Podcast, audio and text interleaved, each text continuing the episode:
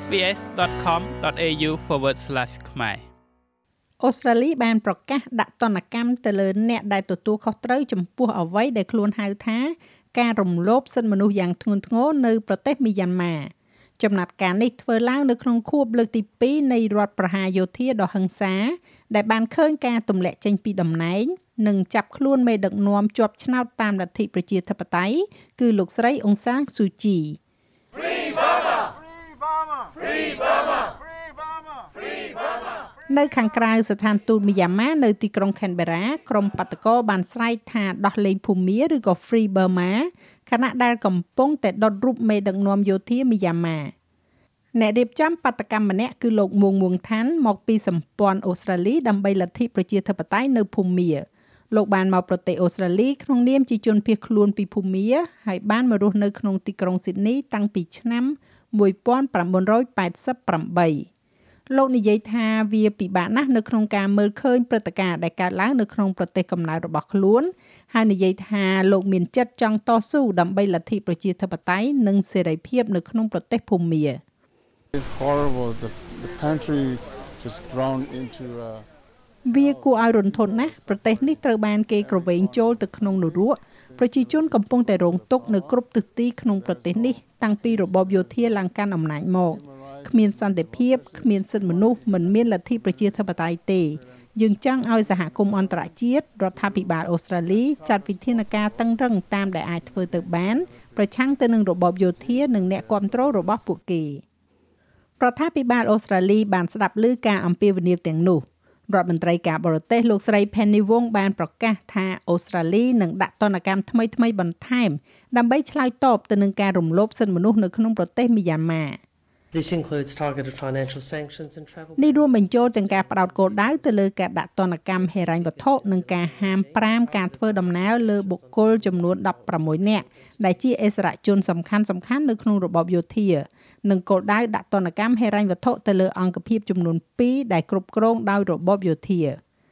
ការឡើងកាន់អំណាចនៅថ្ងៃទី1ខែកុម្ភៈឆ្នាំ2021បានបញ្ចប់ការកែតម្រង់នយោបាយដ៏ផុយស្រួយមួយទសវត្សរ៍ ដែលរួមមានការដោះលែងមេដឹកនាំគ្រប់គ្រងលទ្ធិប្រជាធិបតេយ្យលោកស្រីអុងសានស៊ូជីពីការឃុំខ្លួននៅក្នុងផ្ទះការធ្វើរដ្ឋប្រហារនៅពេលយប់បានឃើញលោកស្រីនិងមន្ត្រីផ្សេងទៀតរួមទាំងទីប្រឹក្សារបស់លោកស្រីគឺលោក Sean Turnell ដែលជាជនជាតិអូស្ត្រាលីត្រូវបានចាប់ខ្លួនចាប់តាំងពីពេលនោះមកមនុស្សរាប់លាននាក់បានដើរតាមផ្លូវដើម្បីធ្វើការតវ៉ាប៉ុន្តែវាបានធ្វើឲ្យមនុស្សជាច្រើនអ្នកបាត់បង់ជីវិតដោយរបបយោធា បានបង្ក្រាបយ៉ាងឆាប់រហ័សនៅរាល់ការប្រឆាំងនានាក្រមសិទ្ធិមនុស្សបាននិយាយថាមនុស្សជិត3000នាក់ត្រូវបានសម្លាប់ជិត14000នាក់ត្រូវបានឃុំខ្លួន និង1លាន5សែននាក់ផ្លាស់ទីលំនៅពួកគេនិយាយថានៅមានមនុស្សជាច្រើនដែលត្រូវបានគេចាប់រំលោភនិងធ្វើទារុណកម្ម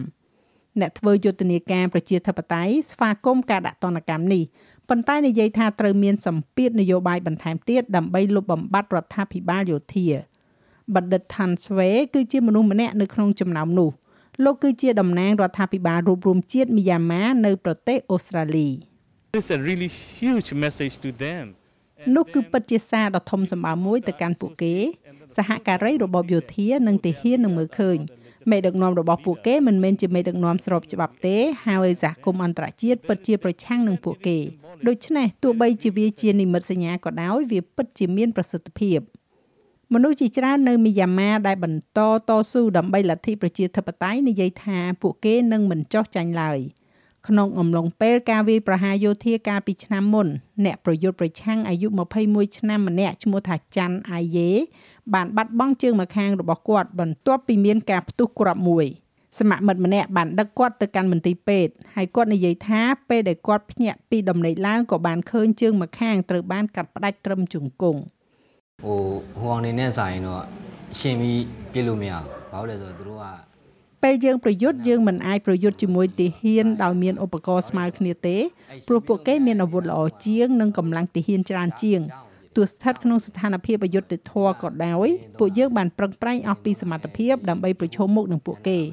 បញ្ហាគឺថាពួកគេប្រើការវាយប្រហារតាមអាកាសយើងមិនមានលទ្ធភាពប្រឆាំងការវាយប្រហារតាមអាកាសទាល់តែសោះ វាគឺជាសុបិនអាក្រក់សម្រាប់ពួកយើងខ្ញុំបានជ្រើសរើសផ្លូវនេះព្រោះខ្ញុំជឿថាផ្លូវនេះគឺជាផ្លូវត្រឹមត្រូវមួយ